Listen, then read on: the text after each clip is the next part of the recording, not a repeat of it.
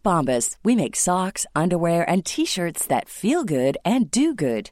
They feel good because they're designed with the softest materials and comfort innovations. They do good because for every item you purchase, we donate another item to someone who needs it. So far, we at Bombas have donated over 100 million items, and your purchases add to that impact. Go to bombas.com slash ACAST and use code ACAST for 20% off your first purchase. That's B-O-M-B-A-S dot com slash ACAST and use code ACAST at checkout.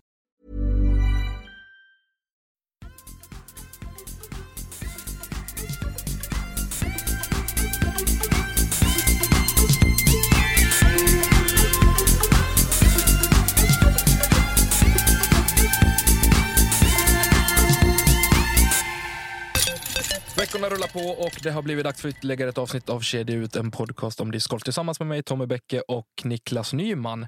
Med fin besök idag, som jag sa på vår Instagram här tidigare, så är det ett sånt vackert tillfälle att få välkomna en poddare som har tagit discgolf Sverige med storm sedan han klev in bakom micken. Välkommen till podden, Victor Nilsson. Stort, stort tack.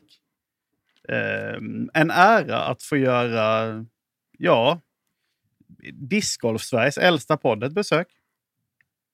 Det, det är alltid någonting. Mm. Synnerligen mycket varmt välkommen får vi ändå säga. Tack så mycket, tack så mycket. Mycket kul att få vara här. Ja, det, bjuder man in sig själv då kan man inte säga nej. ja, men det var ju lite så jag kände bara, vad fasen, varför har ni inte hört av?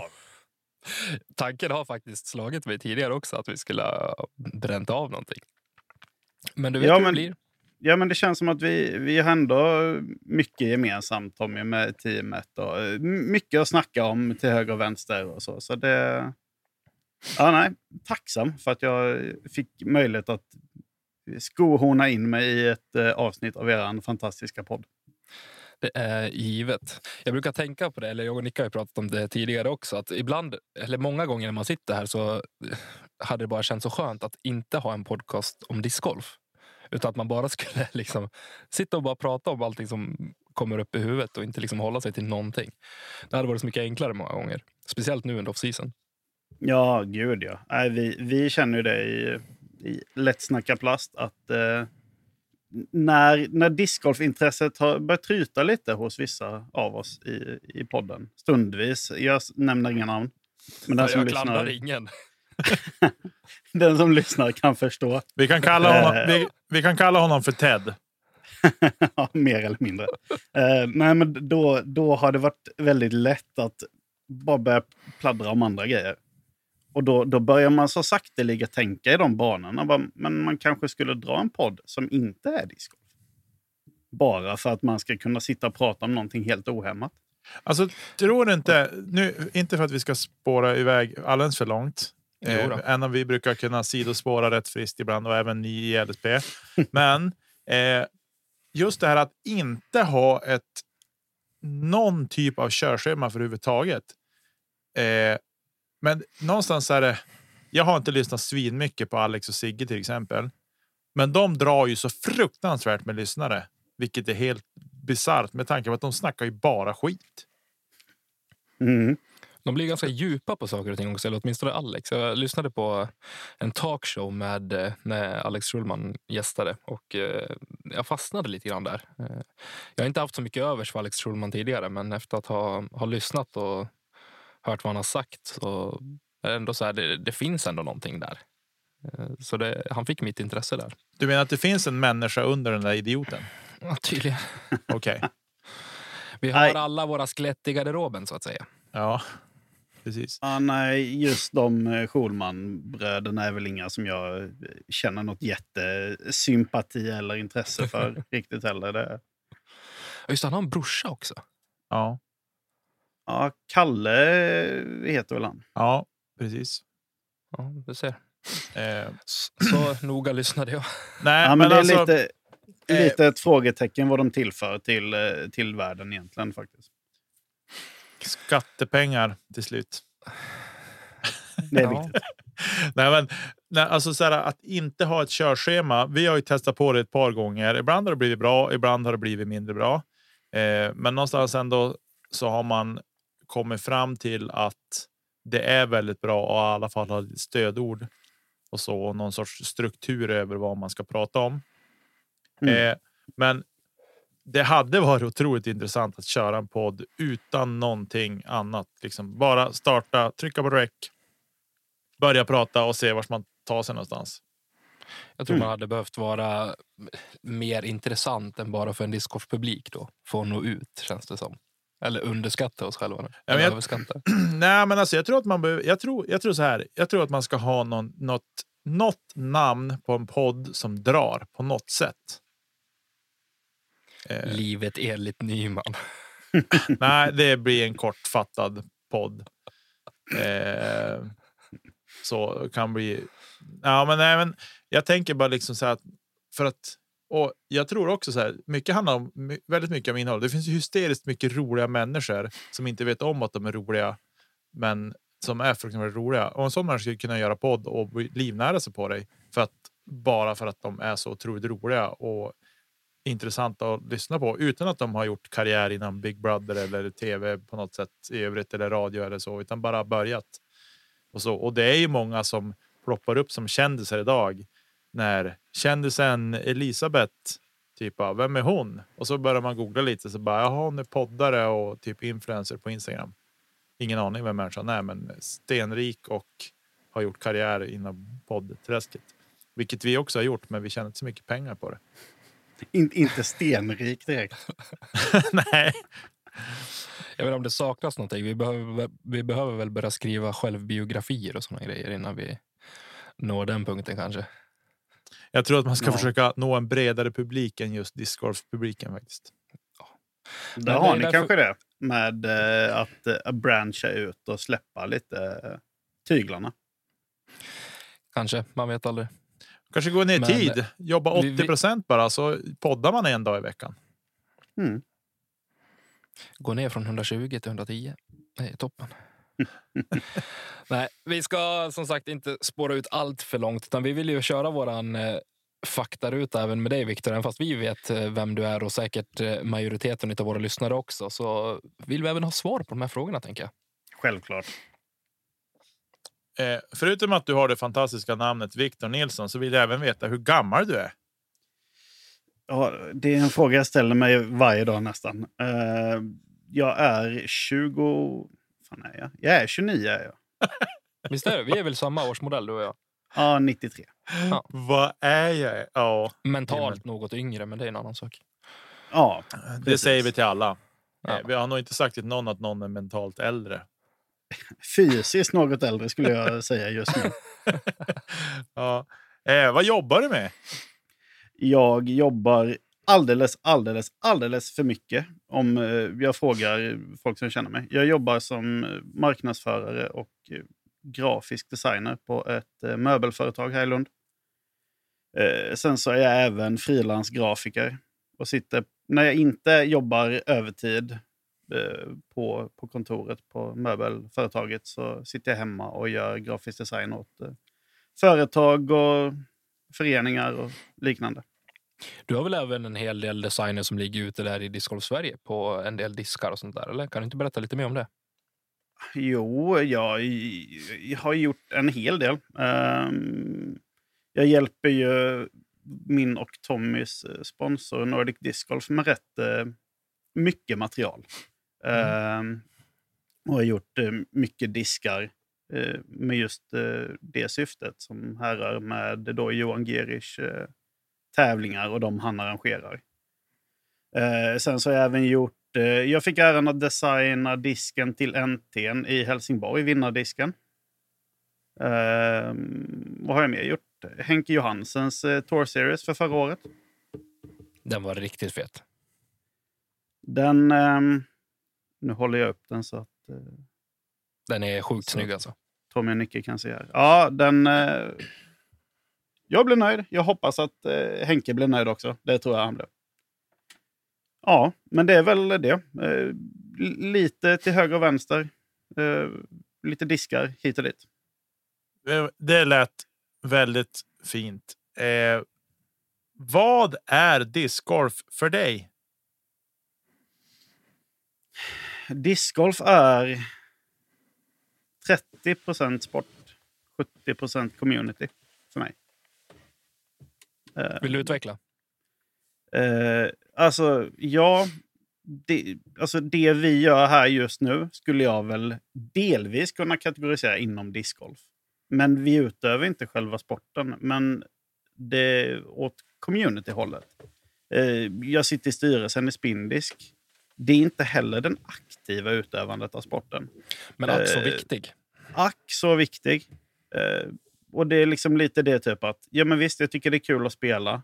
Eh, men det är ändå människorna i sporten och ja men hur, hur communityn ser ut och kommunicerar och agerar.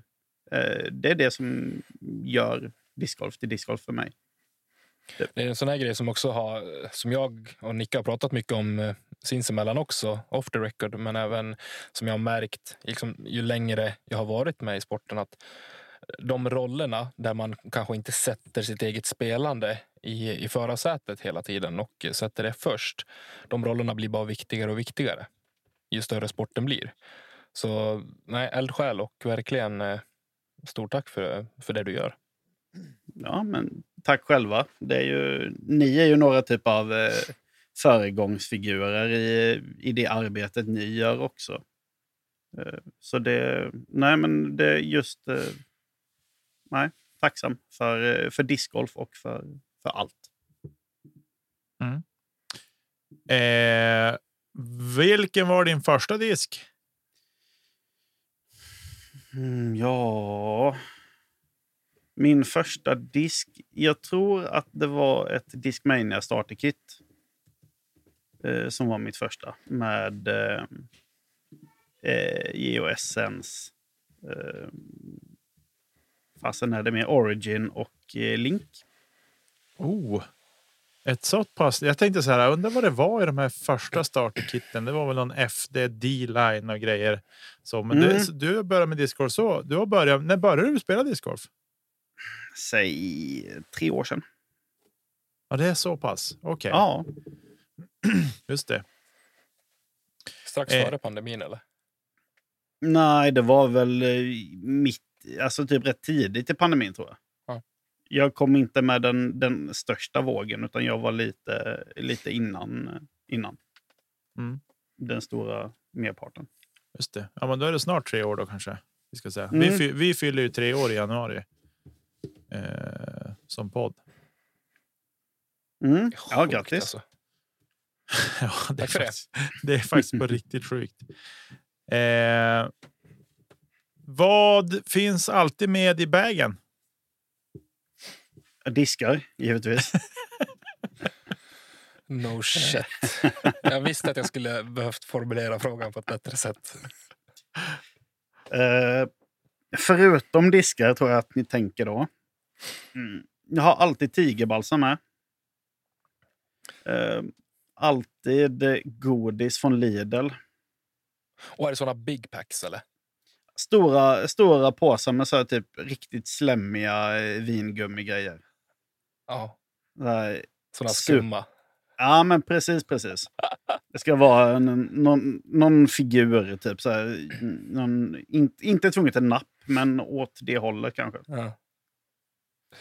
Jag kan ju fascineras av de här som eh, bär runt på de halvliters eller literpåsarna med eh, såna suspekta kolor också. I Ah, olika smaker. Smakar bara konserveringsmedel. ja, nej men verkligen. Ja, men så, sådana grejer behövs, eh, behövs alltid mer eller mindre. Um, vad fasen har jag mer? Jag har alltid, alltid mina airpods med mig. Mm. Även om de inte sitter i, eh, i, i huvudet så har jag dem i bagen. Man kan alltid behöva dra på dem och dra på någon liten låt om man skulle känna sig lite down. Absolut. Mm. Ja, men det var väl nog det tror jag. Eh, Ja. Eh, du, vilken bana du inte ännu besökt skulle du vilja besöka? Mm. Ja, det kan vi ju se på lite olika sätt. Eh, jag har inte spelat Ymer, men jag har varit där. Eh, och den, den skulle jag väldigt gärna vilja spela. Eh, men ser man då liksom mer ordagrant till själva frågan så är väl det givna svaret typ Maple Hill och, och de banorna. Mm. Det hade varit en, en fräsig grej att få uppleva dem live. Ja, ja den, den är på bucketlisten Mm. faktiskt. För mig också. Vi kanske får göra en gemensam resa dit. Ja, men det tänker jag. Vi bokar in Lisotte också som kan komma och guida oss runt där. Ja, exakt. Och då köra en skin challenge med Liso- Lisotte. Det hade varit svinkul. Ja, svinkul att bara gödsla pengar på han. Han får kasta lefty och vi... le- lefty med förbundna ögon. Om vi ska ha en forehand får han kasta. Absolut. Ståendes på ett ben. Vi, vi gjorde det på när det var NTN i Onsala så var jag uppe och umgicks med, med Ted och diverse discgolf-fanatiker. Då stod vi inför en runda och så stod vi och kastade lefty forehands på övningsfältet. Där. Och det, det, är ju det, det är ju det svåraste som finns i discgolfvärlden. ja. Speciellt om man Alltså- lägger på en 360 också. Ja, nej, då, då, då blir det en kullerbytta eller någonting sånt istället. Det, det, nej, jag tror att jag max kastade typ 10 meter. Jag tror att jag lyckades få ner allting i backen så blev det någon typ av roll där. Ja, värdelöst, värdelöst. Och en luxation i axeln på, på det. Liksom. Ja, gud ja. Minst sagt. Halva kroppen ur led. Ja. Eh, sista frågan då på faktarutan som är något uppdaterad som ni kanske märker vid det här laget. Även jag märker det då Tommy har varit i farten. Om du bara fick besöka denna genom att aldrig mer spela på din hemmabana, skulle du göra det? Alltså din favoritbana gissar att det är. Eller en bana som du Mm. inte har besökt än. Han menar. Den banan som ligger på bucketlisten. Skulle du byta ut Maple Hill mot att aldrig mer få spela Sankt Hans? Aldrig någonsin. Aldrig någonsin. Det är så sjukt jobbigt att åka till Maple Hill varenda gång. Äh, men jag tänker det att typ, jag har aldrig upplevt Maple Hills stor, storhet. Liksom. Man, har- man har sett den på video. Men Sankt Hans är ju en bana jag kan uppleva varje stund. Dess, dess grandiosa hål och hur fantastisk den är. Eh, och det fortsätter jag gärna med. Oavsett hur fräsig Maple Hill är. Jag tror att man åker till, om man åker till Maple Hill så tror jag att man själv kommer att bli besviken över hur dålig man skulle vara på den banan. För att jag tror att den är så sjukt mycket svårare än vad den ser ut att vara. Jag tror att det är det stora genomgående temat på de flesta banorna i, eh, på Pro Touren. Ja, när man, när man liksom tänker typ, ja men vad fan, varför går inte han... Varför går inte Macbeth minus 14 här? Varför går han bara minus 3 på ett varv? Eller? precis. Vad innebär det då att jag kommer göra? Ja, men jag borde ju kunna gå på par. Nej, Ja, men plus precis. 15. en bra dag. Ja, precis. En, en väldigt bra dag. Ja, Men tar man bara hål för hål så är det inte omöjligt. ja, nej, jag vet inte riktigt. Tommy Bäcke, du spelar ju på en lite högre nivå än vad jag och Nicke gör uppenbarligen då. Nej, men inte alltså. eh, Mentalt gör jag, gör jag det. Men sen när det ska utföras, då, då vet man att då sitter det någon i första träkronan. Jag skulle, Så säga är det att, definitivt. jag skulle säga att man behöver nog kanske en, en 40 mulligans eller någonting för att gå på par på den där banan. Tror jag. I- Ja, men den är inne på, alltså, i, i- i mitt fall, jag är ju Sveriges absolut sämsta visualiserare. Jag kan ju se mig själv spela ett hål, liksom. åker man på, men som i Västerhaninge till exempel. Jag hade ju birdie varje varv på första hålet. I huvudet. Sen vet man att man är någon millimeter off liksom, och då sitter man i skiten sen. Och då får man ju ta fram den där vänster rollen Och då, det, är inte ett bra tecken. Det är inte förutsättningar för att liksom, göra ett bra resultat. Nej, så sant som det är sagt. Ja, Det hade varit intressant. bättre att skriva en bok om det istället. Eller starta en podd. Eller starta en podd. Precis. På tal om poddar så tänkte jag Victor att vi ska eh, prata lite grann om din entré i poddvärlden här. Mm. Nu när vi är klara med, med faktarutan. Men eh, i mina öron så har du ju tagit en väldigt naturlig plats i Lätt snacka plast och eh, snabbt blivit en ganska men stark profil ändå, tycker jag.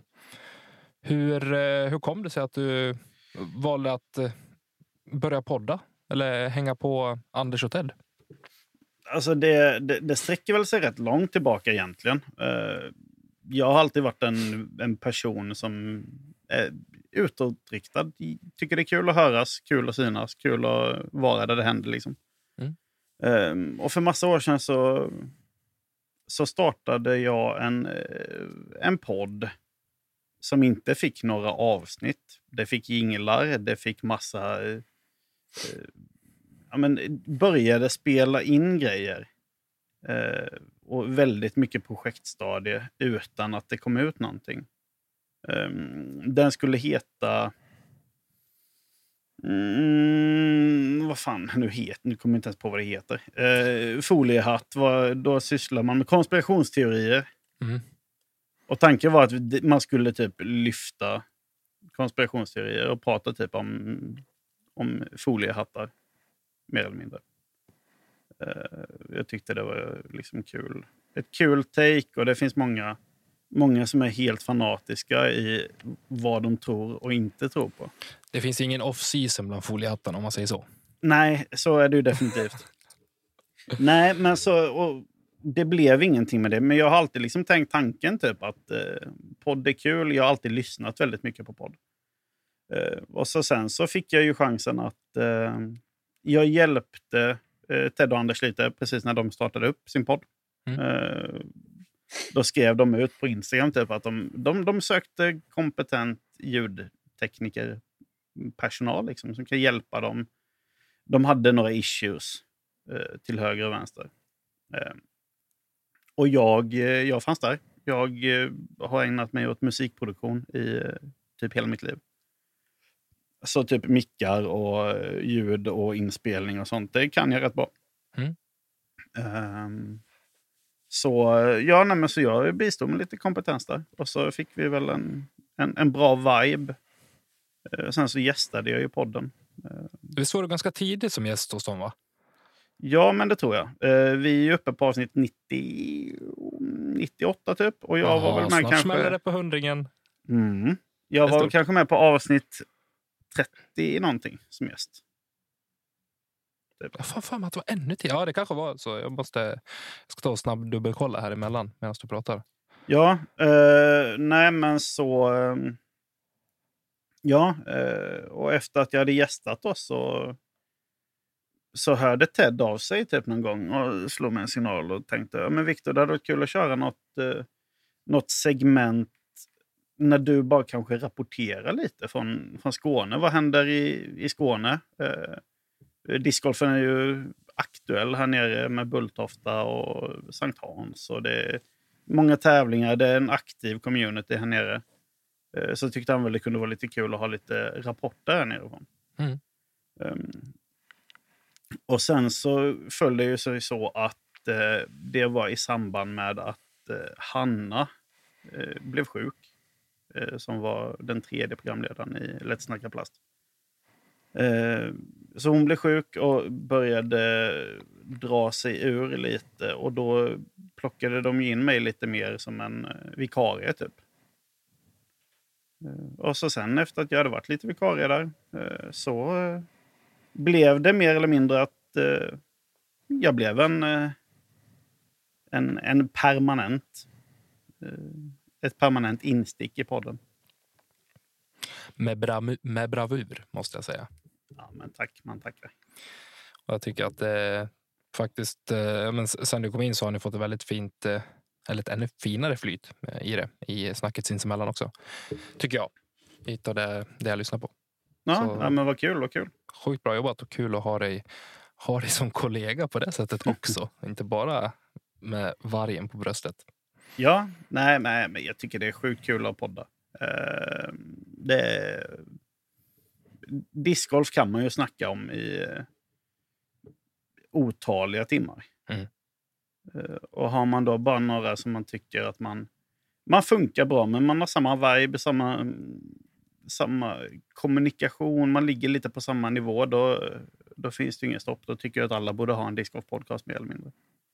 Visst hade det varit kul om det dök upp någon till? Ja. För jag tycker ändå att de tre poddarna som vi har nu i Sverige har ju någonstans ändå hittat sin identitet ganska starkt, liksom vart man vill syssla med och Mm. liksom, ja, hur man vill röra sig och föra sig eh, verbalt. Eh, men jag tycker någonstans även att jag tror inte att det är fullt än. jag hade gärna nej. sett alltså, en eller två till också. Poddar. Mm. Alltså det, när jag brukar prata om discgolfpoddar eh, generellt eh, för folk som... Alltså berättar jag för kollegorna typ att Nej, men jag, jag har en podd eller någon jag aldrig har träffat innan. Eh, så brukar jag förklara att det är en discgolfpodd. Eh, vi är tre stycken, tre poddar i Sverige. Eh, och lite geografiskt utspridda mer eller mindre. Mm. Jo, men Mm. absolut. Ehm, även om ehm, vi i Lätt snacka plast ligger delvis lite i samma område som discgolfpodd eh, eh, Simon och Rickard. Mm. Eh, så är vi väl ändå... Ja, men vi har väl lite förankring neråt också. Och ni har de lite mer snöigare områdena av landet. Så det hade väl kanske varit kul med någon, någon liten Stockholmsbaserad eh, discgolfpodd. Mm. Jag tyckte ju att det var trevligt när eh, Aftonbladet hade eh, sin discgolfpodd. Med, Mm. eh, med Patrik Syk i spetsen tillsammans med Matte. Mm. Men ja, eh, det, absolut, det var trevligt. Men det jag kände med den, no offense, men den upplevdes ju extremt mycket storbolag. Onekligen, så är det ju. Eh, vilket man kan förstå, men att det blir lite mer PK och lite mera, alltså det blir inte på samma sätt den här personliga kontakten med dem som pratar, tycker jag, mot för hur de andra tre poddarna är. Men Ja. Å andra sidan så tror jag också, det ligger ju mycket i det du säger Nicke, men jag tror att någonstans så kanske också den delen behövs i sammanhanget nu. För jag menar, vi har ändå tre poddar där vi är men väldigt tajta, liksom en på sidan av. Både sinsemellan och även med varandra mellan poddarna. Många gånger upplever jag i alla fall. Jag tycker att det är jättetrevligt att träffa på ja, men Simon, Rickard och Ted och Anders har jag inte träffat ännu. Men att träffa Viktor var fantastiskt när jag kom ner till, till Helsingborg och, och Lund i fjol. Mm. Eh, men samtidigt så, just den här ja, PK-grejen eller mer, jag vet inte, ska jag säga professionella eller liksom mer kommersiella sidan då, som det faktiskt kanske var eh, från Aftonbladets sida där, kanske behövs också i den här biten. Ja, alltså jag, jag tror det. Jag var ju och träffade Patrik eh, Syk i, i Stockholm för, nu är det väl ändå några månader sedan. Och då Mm. pratade vi just om, mycket, om- givetvis pratade vi om poddar eftersom att båda är poddintresserade. Han är ju eh, podcastchef på Aftonbladet och har väl, jag vet inte, all, Ja. mängder av poddar under sitt namn. Ja. Eh, och då snackade vi just om skillnaden mellan deras poddar och våra poddar. Och eh, det som vi håller på med är någon typ av communitybyggande podd. Folk lär känna oss. Eh, folk lär känna dig Nicke och dig Tommy. Och man vet lite, ja men Nicke du gillar Lisotte och Tommy du, ja men liksom man, man lär känna personen bakom. Och det är lite det, det är därför man gillar att lyssna på podden. Jag lyssnar på er för att jag tycker att ni är så jävla roliga.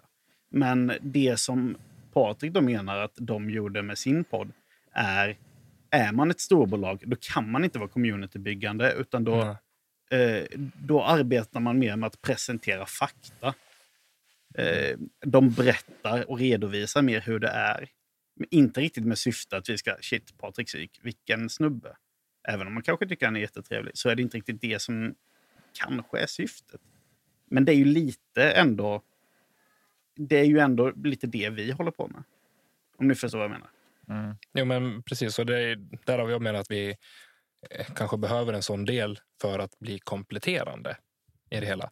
För jag har inte varken energin eller eh, möjligheten att sitta och, liksom och, och researcha inför varje avsnitt liksom på djupet. Så att jag har liksom siffror och allt vad som har hänt liksom i huvudet direkt.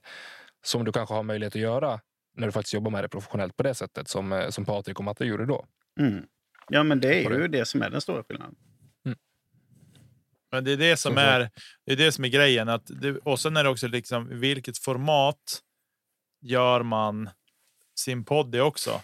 Eh, Mm. För att dra en parallell, en podd som jag brukar lyssna på, det är Kvartssamtal som de kör eh, Mix Megapol med hela det morgongänget. Som de, de spelar in det varje dag efter att de har kört sin studiosändning på morgonen. Så spelar de, med- och det är bara en kvart långt. Liksom. Men där brukar jag samla ihop en klump så att man kan sitta och lyssna på flera avsnitt.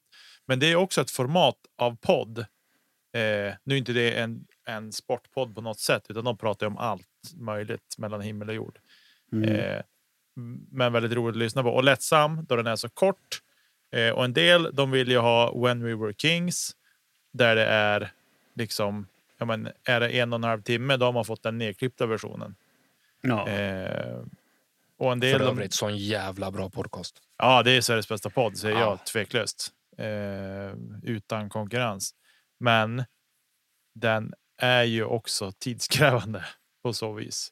Alltså, ibland önskar man att man hade ett väldigt hjärndött arbete som gjorde att man kunde sitta och lyssna mera på dem än vad man, vad man kan. Ja, men, och samma sak, i en sån grej, liksom, du, förstår du hur mycket tid... Alltså, de kan ju sitta i en inspelning i tio timmar. Mm. På, alltså för, för ett, ett ämne eller en spelare eller lag. Men förstår du tiden de lägger ner innan på att faktiskt göra research? Här? Nu är det ju garanterat inte bara Erik och Håkan som gör det, utan de har säkert folk runt omkring sig. Men det, är fortfarande, det ska ju presenteras på ett sätt som någonstans fångar lyssnaren att eh, fan, ni var har stenkoll på det här. Mm. Ja, men de, måste ju, de, de, de får ju säkert grejerna presenterade för sig. Och sen Ja. lägger de åtskilliga timmar på att plugga, plugga, plugga, plugga, Ja. plugga. Och sätta sig in i huvudet på den här spelaren de pratar om, eller den här personen. Mm. Och det är just någonting med, just, med storytelling i sig eh, som fångar mig i alla fall. Det fång- fångar mitt intresse väldigt, väldigt starkt. Mm. Ja, nej, samma här. Nu har jag ju inte- faktiskt inte lyssnat på mer än typ första och andra avsnittet av, eh, av deras podd. Men eh, Niva är ju en person eh, som jag uppskattar väldigt mycket och tycker är fantastisk. Mm. Mm. Men det. Det, man får, det, det som är med den podden tycker jag, det är att det är verkligen lagt ner själ och hjärta i varje avsnitt. Det är liksom inget körschema som kastades ihop på en kafferast, liksom. utan det är verkligen lagt ner mycket tid i förberedelse för det. Men Eh. Lite ljudbokskänsla. Ja, men sen och visst, då kan man ibland emellanåt kan man ju känna att liksom, ja, men det kanske lä- att vissa texter läses rakt upp och ner. De har skrivit en text som de läser rakt upp och ner, men med känslan av att de pratar. Eh, men nej, den. Eh, man hade önskat att man hade lite grann av den kvaliteten som de levererar. Ja, då. men det är alltså som sagt, den... Har man inte ambitionen så tror jag inte det är någonting man ska eftersträva heller. Jag Nej. tror att eh, det som ni har och det som vi har är någonting helt annat. Och det är någonting som... Eh, alltså, Och som också, det, det fyller ju sitt syfte. ja, alltså, uppenbarligen eftersom att folk trycker på download-knappen varje vecka. ja, ja, men jag, jag tror att skulle Niva lyssna på oss så hade han kanske tyckt att shit, vad genuint, vad äkta detta känns. Det är Mm. inte tillrättalagt. Det är personer bakom. Så så jag, jag tror liksom att ja, det är olika sidor av, eh, av myntet, så att säga. Mm. Men Det är en sån grej som när, när det kommer till klippning och såna grejer också. Många gånger kan det ju verkas... Men, vi, vi har ju bestämt oss att men vi, vi, ska, vi ska inte klippa för mycket för att det blir någonstans onaturligt. Alltså, det blir hackigt. Det kommer in och vi kanske inte är tillräckligt duktiga tekniskt på att klippa för att det ska kunna låta bra heller. Utan det tystnader ibland när det liksom när nätet sabbar i princip. I övrigt Mm. så blir det knappt någon klippning och det kan ju många säga, ja, men fan vad lat att de inte liksom lägger mer tid på det. Men samtidigt så får du också den känslan. Det är ett aktivt val som vi har gjort att vi vill ha den känslan på det. Att det, liksom, folk ska, det är som att någon ska sitta bredvid mig och, och lyssna nu när jag pratar. Mm. Det är liksom den känslan vi vill åt. Komma lite närmare och liksom bara vara vi. Ja, men det, Medans- ger ju, det ger ju transparens. Jo. Mm. Och medan i andra gånger där kanske du behöver klippa väldigt mycket för att du måste göra omtagningar och så vidare. Men det är för att fylla syftet och liksom det konceptet på det. Mm. Ja, verkligen. har, vi, har vi kvar råfilen på Robin Willman avsnittet? Avsnitt tre eller vad? Två Det eller tre? hoppas jag inte. Och på tal om Robin Willman så fick jag precis ett sms från honom att han är i Örnsköldsvik på väg hit och eh, det är svinkallt tydligen, säger han. Ja, nej men. eh, PP fick jag. Eh, det, som, det som är med... Man kan tycka att man ska klippa bort eh, vissa saker ur avsnitten. Men det är just det här med att en del... Jag har mycket ö och det vet jag om och det har folk sagt också. Men det blir ibland att man inte man kan inte klippa bort det för det blir inte bra att klippa bort det för då hör man oftast att det blir hackigt. Då kommer folk undra, vem fan, vad, vad hände med Nicke? Ja, exakt. Det, det, är ju det, det är ju den kryddan Vem som gör dig till dig. Ja, men, och just sådana grejer också. För när jag sitter de få gånger när jag har redigerat avsnitten och sitter och klipper. Om jag börjar klippa liksom, och så zoomar man in så mycket på spåret att ja, men, den här tystnaden ska bort. Till slut man blir så manisk och liksom får bort alla de här små störningarna hela tiden. Så både tiden du lägger ner, det kommer inte vara värt det för helheten blir ändå inte bra. För till slut då har du sabbat något segment under avsnittet och så vet du inte vart det är istället. Ja, men då Så, har man ju också det- tagit bort det organiska och flytet liksom. Exakt. Ja, Och det är det man vill behålla. Eller vi vill behålla i alla fall. Jag kan ju bara prata för oss. Liksom. Ja, men Och vi, dessutom- vi tänker likadant kan jag säga. Ja, och dessutom när man då har zoomat in där på, den där, på, på spåret så man vill verkligen få till att här är det verkligen de tystaste delarna. Att liksom, nu har jag verkligen klippt på ett bra ställe och så fortsätter man på samma inzoomade och så bara har man suttit i typ tio minuter och så när man zoomar ut bara, aha, okej, nu har jag gjort två minuter av det här avsnittet som är på en och en halv timme. Då, då orkar man ju inte. Så någonstans så måste man vara väldigt försiktig med och kanske även göra timestamps i körschemat eller någonting. Att ja, men här vart det tokigt. Då är det lätt att hitta åt det. Men sen att börja som man har gjort någon gång. Nej, det har ju varit katastrof. Något avsnitt har vi haft att, liksom, att det har varit eko på det ljudspår som man har haft för en gäst till exempel. Och det är ju inte deras fel. Det är liksom någonstans att man inte man har inte uppfattat det under inspelningen och sen får man Mm. ljudfilen och så bara. Åh nej, det var något avsnitt. Jag vet inte Tommy, du satt ju en hel dag med Willman avsnittet, men då var vi ju färska rookies. Jag har suttit Mm. senare när vi har haft liksom. Vi har passerat 100 avsnitt och suttit och jag har satt typ åtta timmar totalt Eh, uppdelat i ett par svep med att få ordning på ett avsnitt också. Och jag var klar klockan sent på natten. Eh, och det är ju, man blir ju sjukt stressad också, för man vill ju att det ska bli bra och att det inte ska låta så illa som kanske det låter från början. Eh, Och sen får man inte glömma bort det, vi är ju bara människor också. Många gånger, eller alla gånger när det har blivit fel ut till konsument, säger jag inom storstecken. Så du har ju fått veta det väldigt, väldigt tidigt på morgonen också. Så det har ju gått att rädda, rädda upp många gånger. ja. Det är ju så. Tur är väl det. Det, det är tur. Viktor, du ska ju iväg eh, om ett tag, så jag tänker att vi ska hoppa vidare här så vi hinner med det vi ska, eller det jag vill prata om i alla fall. Och eh, jag tänker att vi ska lyfta en liten eh, sån här liten bajsmacka eh, som PDG har gått ut med nu. De har ju ändrat reglerna kring tävlande för hbtqi-personer. Eller transgender är väl mer specifikt då. Mm. Eh, eran eh, spontana reaktion när ni fick se det här? Ja, alltså jag har... Jag såg att PDGA hade gjort sin... eh, De la upp en, liksom, en, en, en, en ändring, en post som var liksom lång som ett ösregn. Eh, jag förstod typ vad det innebar. Eh, Det, det var inte lätt tolkat. Nej. Eh, surfade omkring lite på sociala medier. Eh, läste ett inlägg från Chloe Alice. Mm. Eh, och förstod genast vad det liksom innebär. Ehm, och alltså det... Jag vet inte riktigt. Det är svårt att angripa ämnet, men det, det är ju det är ju tråkigt, tycker jag. Det känns ju inte så... Det känns ju inte som att det är en inkluderande sport med de valen som PDG gör. sporten och sporten, men eh, organisationen i alla fall. Det känns väl som att de biter sig själva i häcken för varje liksom, beslut de tar många gånger.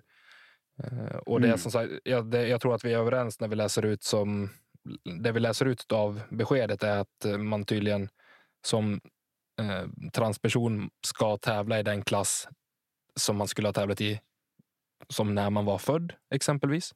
Mm.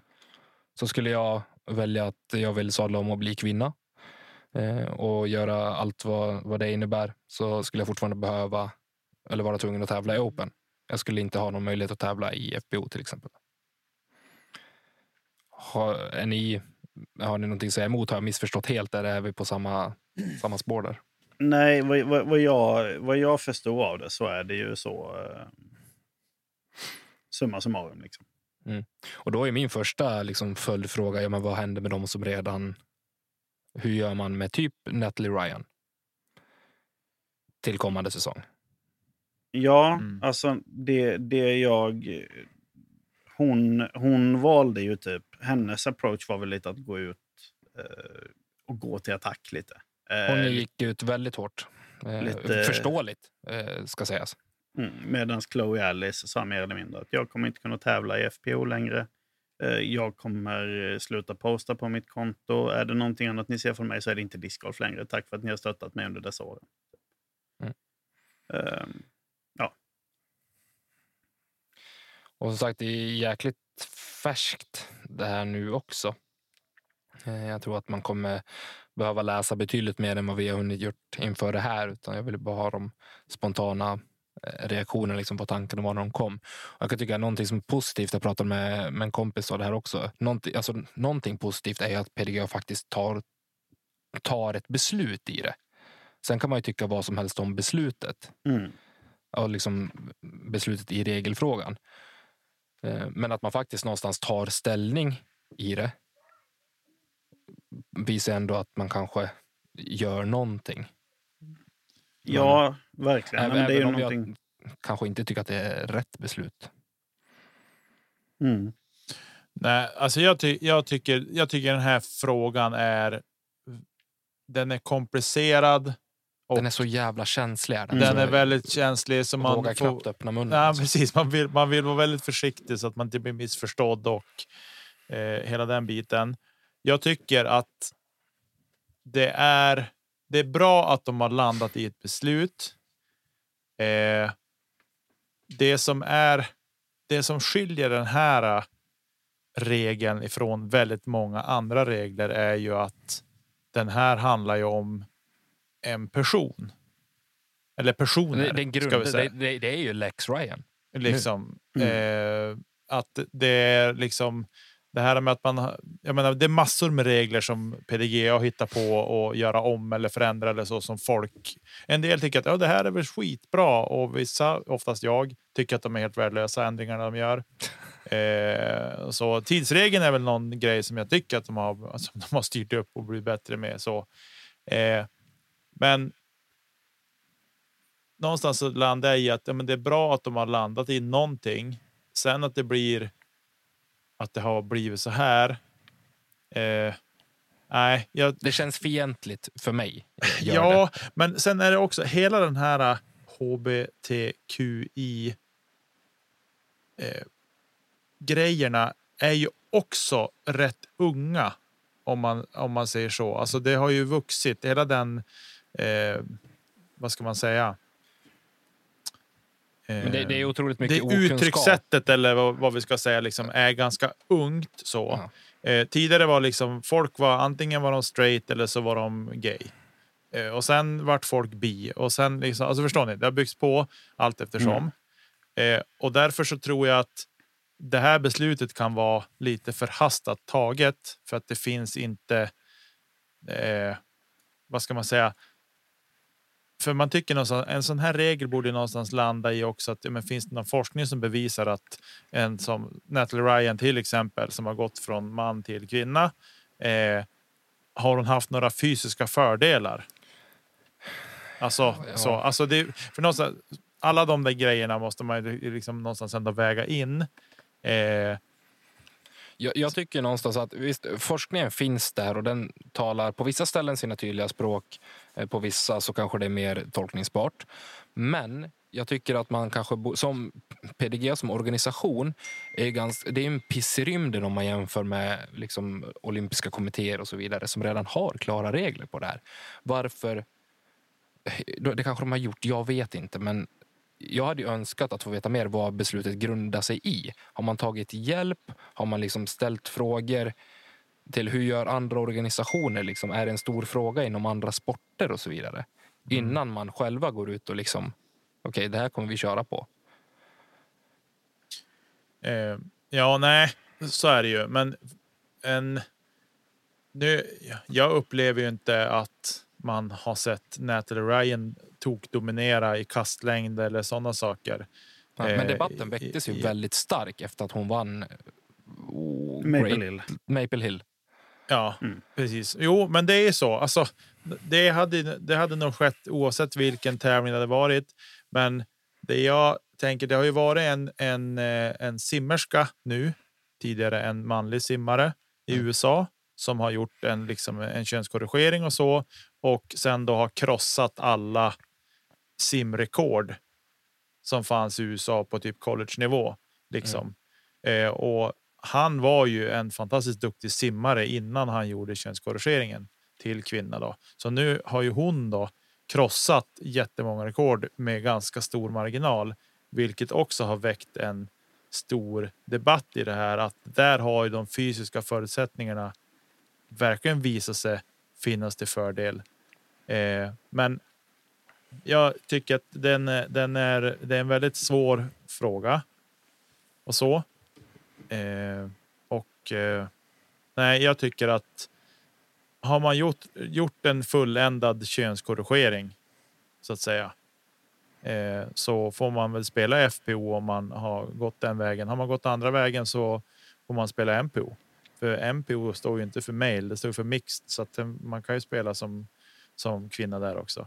Mm. Eh, så att, ja, där står väl jag någonstans. Jag tror inte att jag tror inte att vi kommer att för damerna börjar kasta så långt och vara så duktiga och vara på så hög nivå så jag tror inte att vi kommer att få det fysiska fördelsproblemet som kanske kan märkas i andra sporter.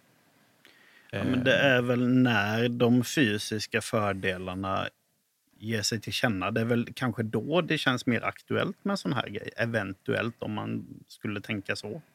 Ja. Eh, men eh, ja. Nej, det är som sagt väldigt komplex eh, fråga. Alltså man, man väger ju lite... Ja men typ... Lite moral mot typ... Jag vet, nej det, det är svårt där det. Mm. Man vill ju att sporten ska vara inkluderande. Man vill att alla ska ha möjlighet. Eh, Samtidigt som man vill att alla ska göra det på samma villkor. Precis. Ja. Och, som sagt, jag tror det kommer inte finnas något svar. Vi kommer verkligen inte komma fram till något svar i det här idag. Jag tror inte att man kommer göra det från PDGs håll eller ens från forskningens håll på länge heller. Utan det här är någonting som vi kommer behöva ja, men, prata kring och liksom se, se samman och jämföra och göra eller använda mer forskning till liksom hur det faktiskt eh, ska gå till. Mm. Ja, och sen är det, det är också en sak som är som är väl viktig att väga in i det här. Det är ju känslor vi pratar om också mm. och hur man känner kring en sån här fråga, vilket gör att det är ännu svårare att komma fram till ett svar som eh, låter diplomatiskt och demokratiskt rätt och riktigt. Eh, så. Ja, mm. det var väl det jag har att säga. Vi kan väl stanna där och så ser vi lite grann hur det utvecklar sig. Det lär väl bli en hel del eh, rabalder i sociala medier här framöver antar jag. Så vi får se. När vi ändå är inne på PDGA, får jag bara sticka in med en snabb fråga? Mm. Hur har det gått? Eh, har ni fått någon rating-uppdatering idag? Har inte kollat. Jag har ju inte spelat någon PDGA sanktionerad tävling på länge. Då kanske ni ligger kvar. då. Jag hoppade upp en pinne. Det var mest därför jag frågade. grattis, grattis. Ja, men det räckte inte till att ta någon eh, tier i någon anmälningsordning i alla fall, så det sket sig ändå. Ja, men det är kul ändå. Alltid... Ja, det, det är åt rätt håll. Plus Han... åtta. tju, tju! Är du över 900 nu? Jajamän, 905.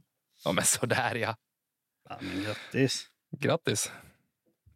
Jag vet inte om det kan vara all time high. Nej, det är det inte, men. Tangerade all time high. Nu får folk sluta skratta åt mig att jag bara har 905 som högst, men det är ju skönt ändå. Det är ingen som skrattar. Det var inte länge sedan jag var nere på 905. Det var typ ett år sedan tror jag. Mm. Ganska exakt ett år sedan.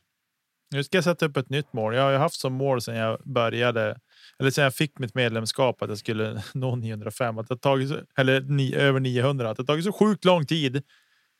Är ju rent ut sagt bedrövligt. Jag har varit nära, men icke tillräckligt.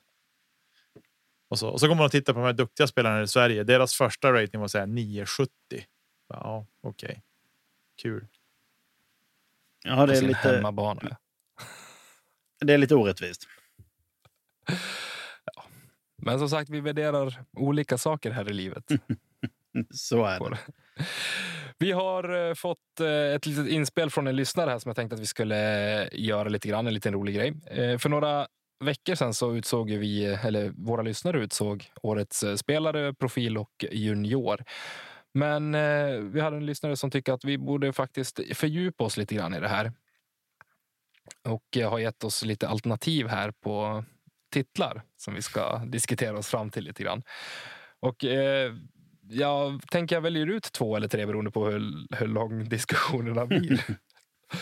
Men eh, jag tänker väl att vi börjar med årets rövhål slash jubelidiot. är det någon som bara har någon name drop bara sådär eller? Alltså, rent spontant så skulle man ju kunna säga Nicolo Castro på den. Ja, Jag tänkte också just på honom. Men det känns också som öppet mål. Liksom. Man vill ha lite mer djup, lite mer komplexitet i det ändå. Eh, PDGA kanske förtjänar den. PDG, jag kan förtjäna den. Eh, drar jag det lite för långt och sänker stämningen om jag säger Jussi eller? nej, nej, den, den känns också Nej, lika den- given. Den skriver jag under på mycket mer än de andra två. Mm. Ja. Det, det är hemskt att skämta om, men ja, det är nog fan är det. Nej, det är det inte. Han är ett riktigt rövhål. Ja. Ah, nej, jag håller med. Håller med. Ja, då fick jag den. Vi hade fått en, eh, ett inspel här på typ eh, Nico att det var, och även eh, Jussi också. Men Mm. ah, ah, det var tre bra kandidater. på det. Jag tycker, alltså, ja, PDGA står ju för en stor del av idiotin. Som vi, det berör vi ofta här i, i podcast Sverige inom discgolfen. Så det kan vi väl fortsätta med. Då. Årets slaktare, någon som fullkomligt har dominerat en tävling. Ska vi ta i Sverige då? Det är väl roligare? Eller ska vi, nej, vi tar internationellt också. Ja, vad ska man kunna säga där? Alltså, jag tänker ju, jag tänker ju på European Open. Ja, Det var ju lite... ju- Det var ju lite slakt från Eagle och Macbeths eh, sida. Ja, det är väl så nära en slakt man kommer. Eh, Mm. På elitnivå i alla fall. Ja, gud skulle ja. jag säga. Det var väl eh, kanske inte, nu, nu var det eftersom att omständigheterna var som de var, att det var en major också, så slår väl det kanske Pauls eh, senaste prestation när man med var det 13 eller 14 kast eh, på någon Silver Series här. Mm. Men det, Men det var ju... Där, liksom. E- Eagle vann ju på minus 42, Paul minus 41 och sen kom Kevin Jones trea på minus 25. Ja. Över, eh, över, eh, över fyra runder. Så det... Det skulle jag nog vilja säga. De är The Butcher Duo. Ja, för det, det har inte varit någon som är liksom ensam har bara liksom sprungit iväg och gjort Ja, massa birdie. Alltså bara sådär, eller är det det? Jag vill Hade ändå... vi någon typ på junior-SM? Ja, jag skulle just komma till det. Junior-SM så tycker jag väl att ändå ett 12 man starkt startfält så eh, springer Hjalmar Fredriksson och vinner med åtta kast. Eh, Men han vann årets junior. Han kan inte få två priser. ja, även nu var det slakt. Okej, men om vi, om, vi, om vi säger så här då att Julia Backlund vann med 34 kast. Det är en slakt. Det är slakt. får vi väl säga då på, på samma nämnda tävling. Eh, Ja, ska vi nöja oss där och så, så tar vi en sista? Mm. Årets sjukaste kast. Eh, det står jag för. Ja, berätta mer. 10 meter left forehand eller? Nej, nej, nej, skulle kunna vara. Rakt i korg istället för en putt. Placerar sig som nummer två i listan. I, istället för en step-putt så eh, 360 forehand. Eh, nej. Eh, jag eh, spelade tävling nu, eh, inte denna helgen som var utan helgen dessförinnan. I, eh, här nere i Skåne. Det var en dubbeltävling eh, där jag och min gode vän Hugo Fröjdlund spelade ihop. Eh, vi... Eh, Duktig kille. Duktig kille. Ja, minst sagt. Eh, ett riktigt eh, jävla prodigy är han. Vi var låsta på mig, tror jag. Vi spelade Modified Best Shot. Och jag kastar ett halvrisigt kast från Ti. Eh, vi hamnar väl kanske, säg typ 11-12 meter från korgen. Men det stora bekymret är att det är ett jätteträd framför oss. Eh, och inte, inte, liksom, typ, inte stor stam, utan buskträd. Liksom. Så vi, vi har inga luckor alls. Eh, eh, verkligen in, ingenting att gå på. Eh, och Hugo försökte skippa den i eh, fuktiga löv. Det gick sådär. Eh, den la sig under korgen. Så eh, jag stod och letade luckor. Så sen så sa, säger Hugo där på skoj, ja, men du, du kan ju försöka dra den genom den diagonala luckan som bildas mellan två grenar. Typ. Ehm, och eh, och det, han sa väl det mer eller mindre på skämt. Typ.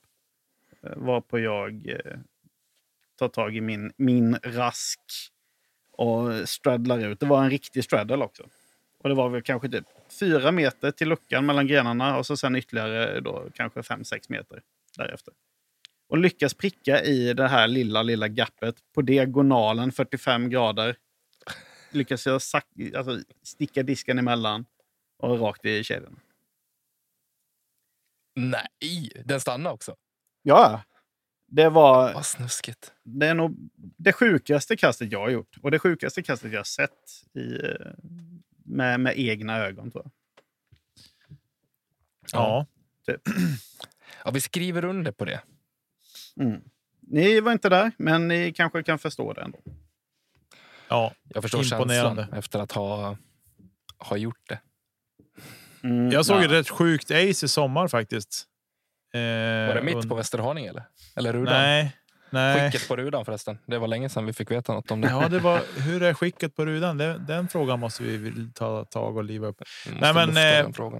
På, eh, när SM pågick i Skellefteå så var jag ute och gick en runda med grabbarna Sensblend och Kalle Falk.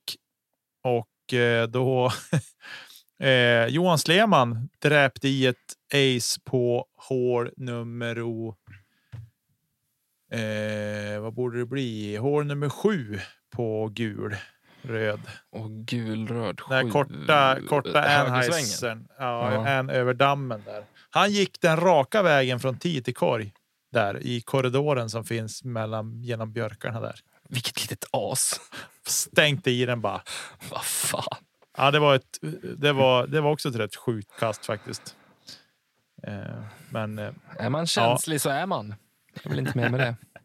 ja, verkligen. Starkt.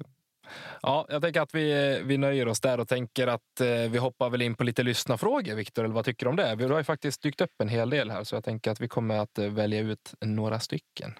Är det så? Ja, men fan vad kul. Då Ja, kör det, har, det har trillat in en hel del, om man ska vara helt ärlig här.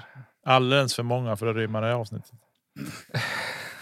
Ja, lite. Alldeles för många för att gälla mig. Ja. Ska vi ta en klassiker då från Erik Gren? Vilken är den sämsta disken du har i vägen och vilken är den bästa du inte har? Den frågan är ju eh, en gammal goding. Eh, Och jag har väl svarat på den tidigare, tror jag. Eh, Nu, nu vet... Fan. Det är svårt alltså. Detta tar jättemycket emot. Nej, jag säger min, eh, min Geo Essence är nog sämsta disken i vägen. Det låter rimligt ändå. Varför det- då? Ja, men det, den, den är skitplast är det ju. Det är ju basernas basplast, liksom Geo. Eh, Ja, det är Geo. Jag trodde det var Neo. Okej. Jag Ja, nej, fan, nej, vad det är vad är det för fel på mysigt. Neoplasten? Ja, hade det varit en ja. Neo Essence hade den kanske varit mysig. Typ. Men Geo, den är brutal flippig eh, och supersleten. Eh, en riktig eh, nödlösningsdisk typ. Eh, men eh, ja, den är väl kanske sämsta jag baggar. Och bästa som jag inte baggar skulle jag väl kanske säga är någon... Eh, A2. har ingen sån. Um, alltså jag skulle nog kunna säga någon god PD typ. Jag har någon Metal Flake PD som bara ligger och är alldeles för snygg för att inte vara i bagen. Och alldeles för dyr för att ha i bagen. Det är det med. Hur är det förresten med att samla disk? Och så? Är det någonting du ägnar dig åt? Eller? Mm, ja, jag har väl... Jag ägnar mig inte åt det. Jag har väl kanske runt 100 diskar. Så det är ju inte... Det är ju inte så här obskyrt mycket, men det är ju några stycken. Några väl valda. Mycket, mycket gammal Discmania är det. Vilken är den dyraste? då? Det är det viktigaste. Eh, Den dyraste är ju en disk jag inte får prata högt om. Bortsett från den så... ehm, Jag vet inte riktigt. Jag har en, eh, en S-Line TD som är med klisterlappar kvar helt, helt, helt, helt, helt orörd.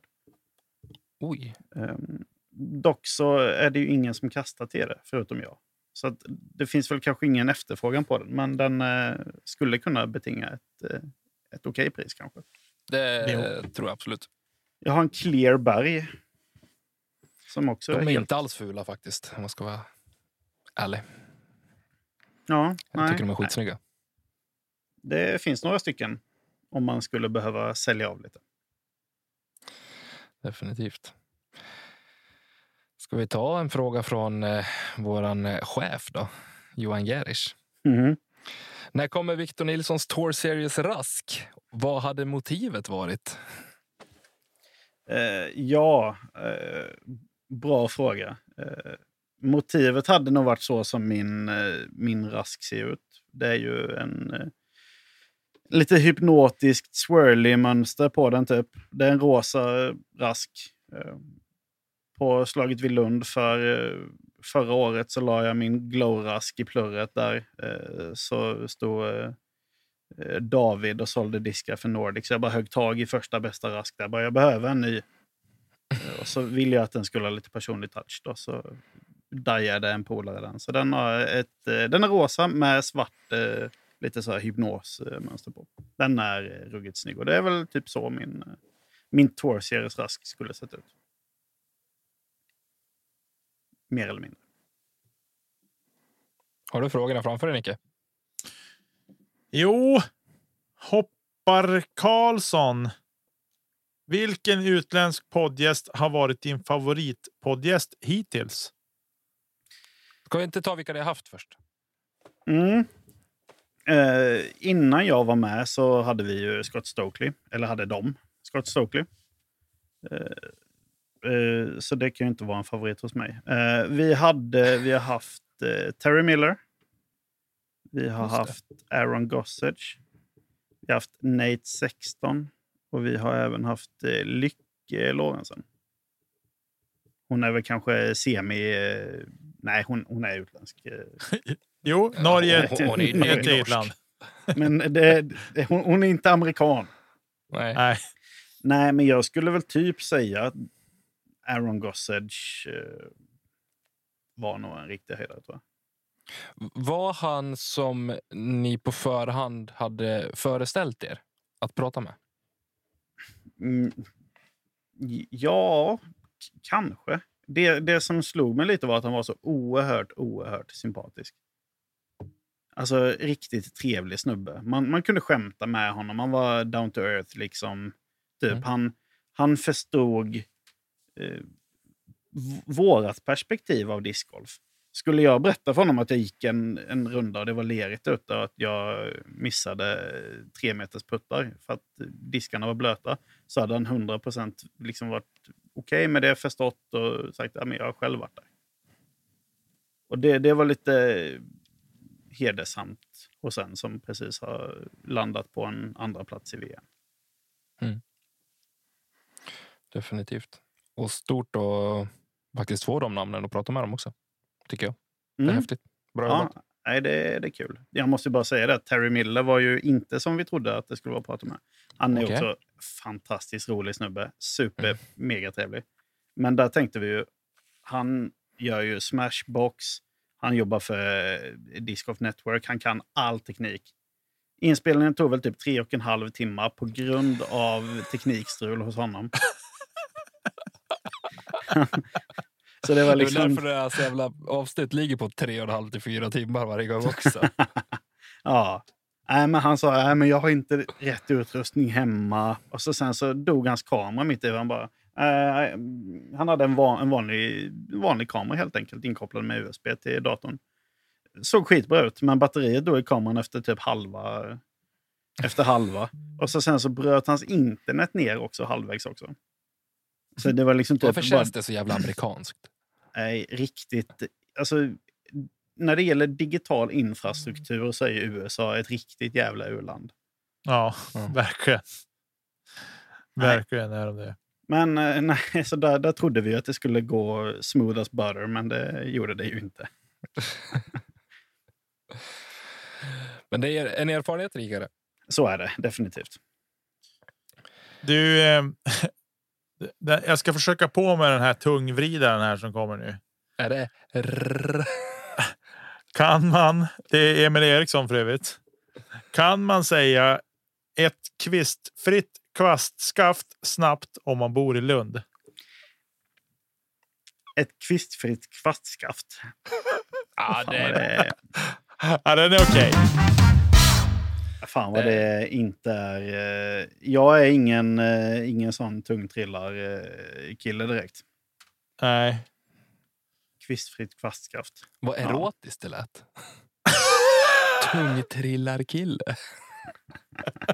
Eh, Det, det, det, det står på CV snart. Tungtrillare Ja. nummer ett. Kan jag orkar inte med. Det, det är okej att låna till sin Tinder-profil vem du är där ute som lyssnar på detta och tycker att det var spännande. Varsågod. Ja. Du, eh, om du bara fick äta en sorts pizza för resten av ditt liv, vilken hade du valt? Mm, det är ju Vänta, något... du måste bara uttala Instagram-namnet där, Nicke. Varför sätter du mig på pottkanten för? Raikses. Bra. Snyggt där. Du är också en tungtrillarkille uppenbarligen, Nicke. Nej, eh, det givna svaret är inte så givet som det skulle kunna vara. Eh, jag vet inte fasen. Eh, man tänker ju typ direkt kebabpizza spontant. Med Men- allt på. Mm, ja, ja med, med sallad och pommes på och så jävla massa vitlökssås. Eh, det är ju livet. Men å andra sidan, alltså, det största misstaget med att flytta ner till Lund är att de, de har ju så jävla dålig pizza här. Kebabpizzan här är skit tycker jag. Är? Förlåt, förlåt alla polare och lundensare och skåningar i regel. Men nej, jag är ju från Halland i grund och botten. eh, Och där kan vi kebabpizza lite bättre. Eh, Så i, bo, skulle jag bo i Lund resten av livet och skulle vara tvungen att äta den här pizzan så hade jag kanske svarat typ en, eh, en, en pizza med lite skinka på, lite svamp, bearnaisesås, bacon kanske, någon fläskfilé typ. Hade du sagt ananas hade vi fått lägga på, men det är bra. Nej, men mango och banan. Nej, men för i Helsingborg! Jag Nu får du skojar. ju... Åh, Finns det någon som ens har mango på pizzan? garanterat, om inte förr så nu. Nu är det någon som får några idéer. Bara, jo, men det... Testar ni att kä- lyssnare, testar ni att käka en pizza med mango på, så bara tagga, tagga folk i ditt inlägg om du lägger upp det så att vi kan se. En reel vill vi se. Ja, en reel. Så, så kommer Nicke svara personligen eh, på den också, hur, hur han känner för, eh, för just den grejen. Ja. Exakt. Sista frågan här då. Från eh, Faxe Sapo. Jag lär mig alla de här Instagram-namnen. Kan det bara stå ett för och efternamn? Eller är det Säpo? Ja. Makana eller Maiden har Lund Sveriges sämsta slash kallaste vinterväder? Kallaste har de ju inte.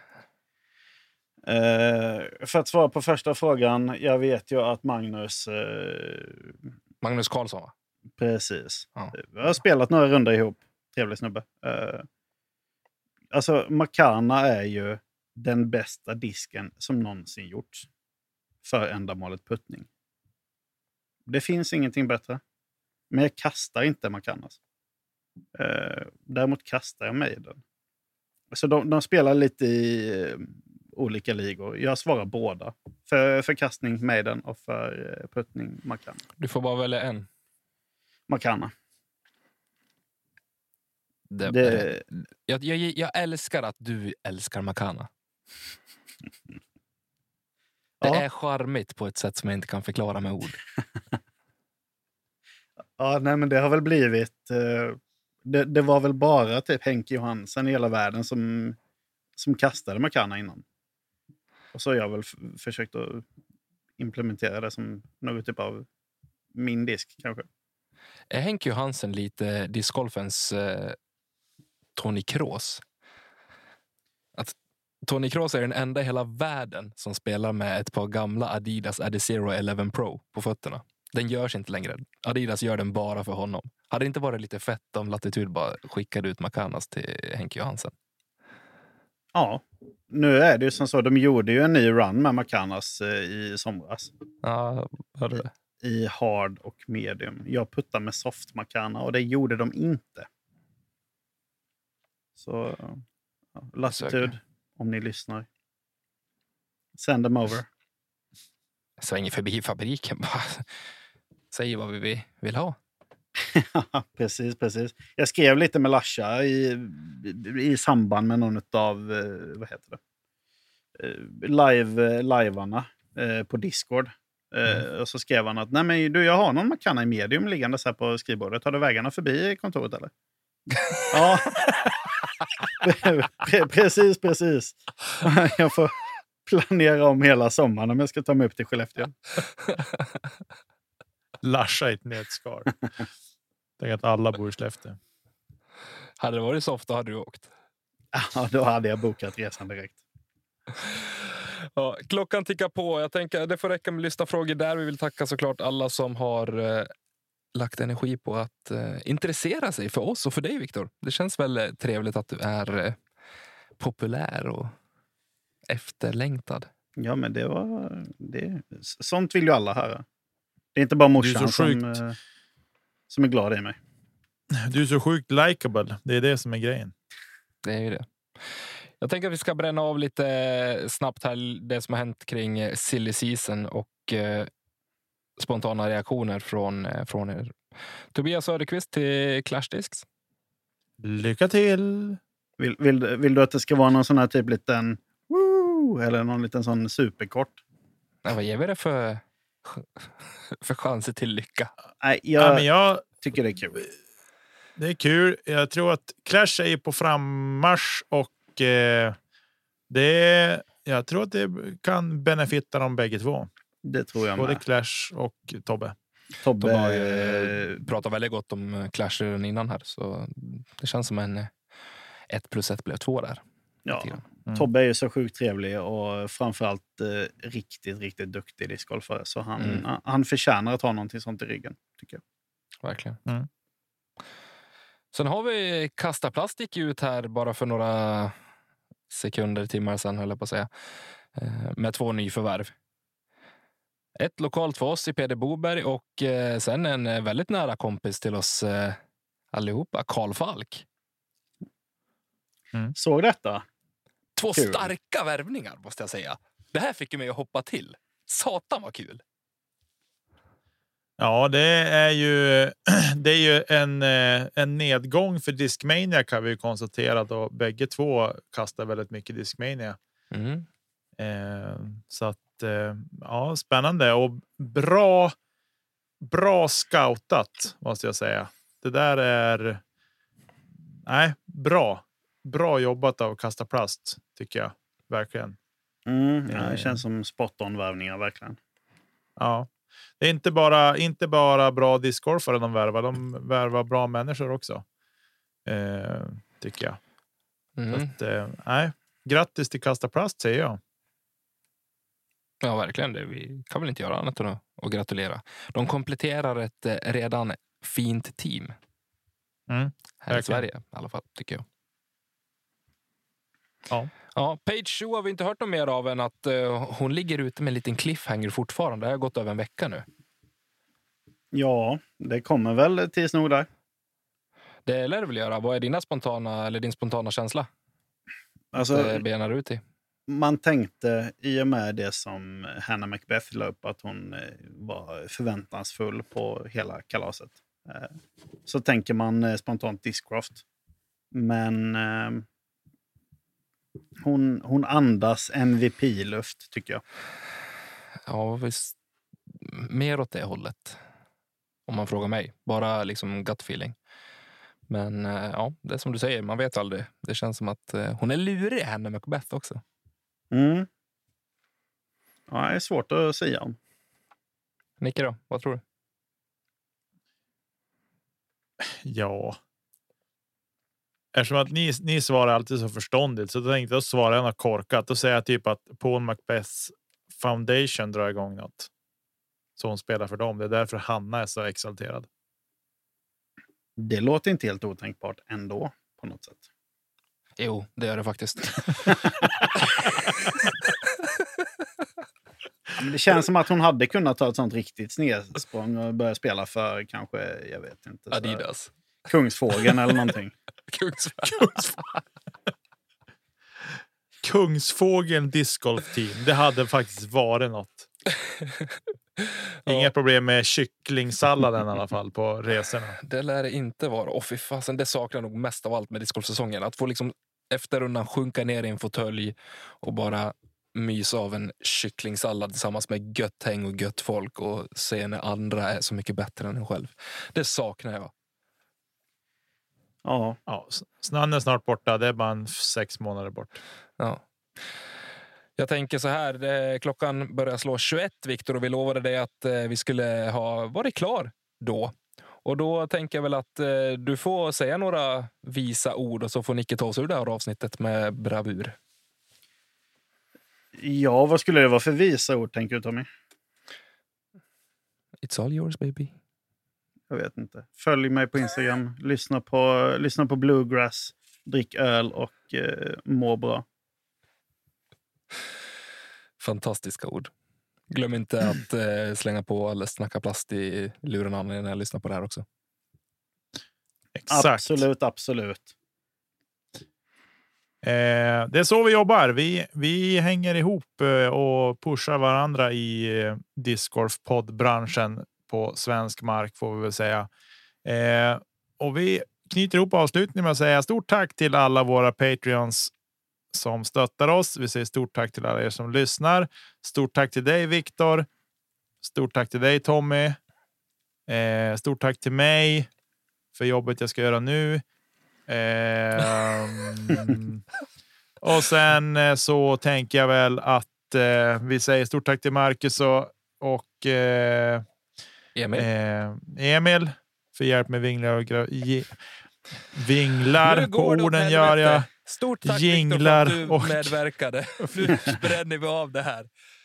Vad Tack, gör vi inte Viktor? Vi kastar inte kedja ut. Bra. Hej då! Hej då. Ciao!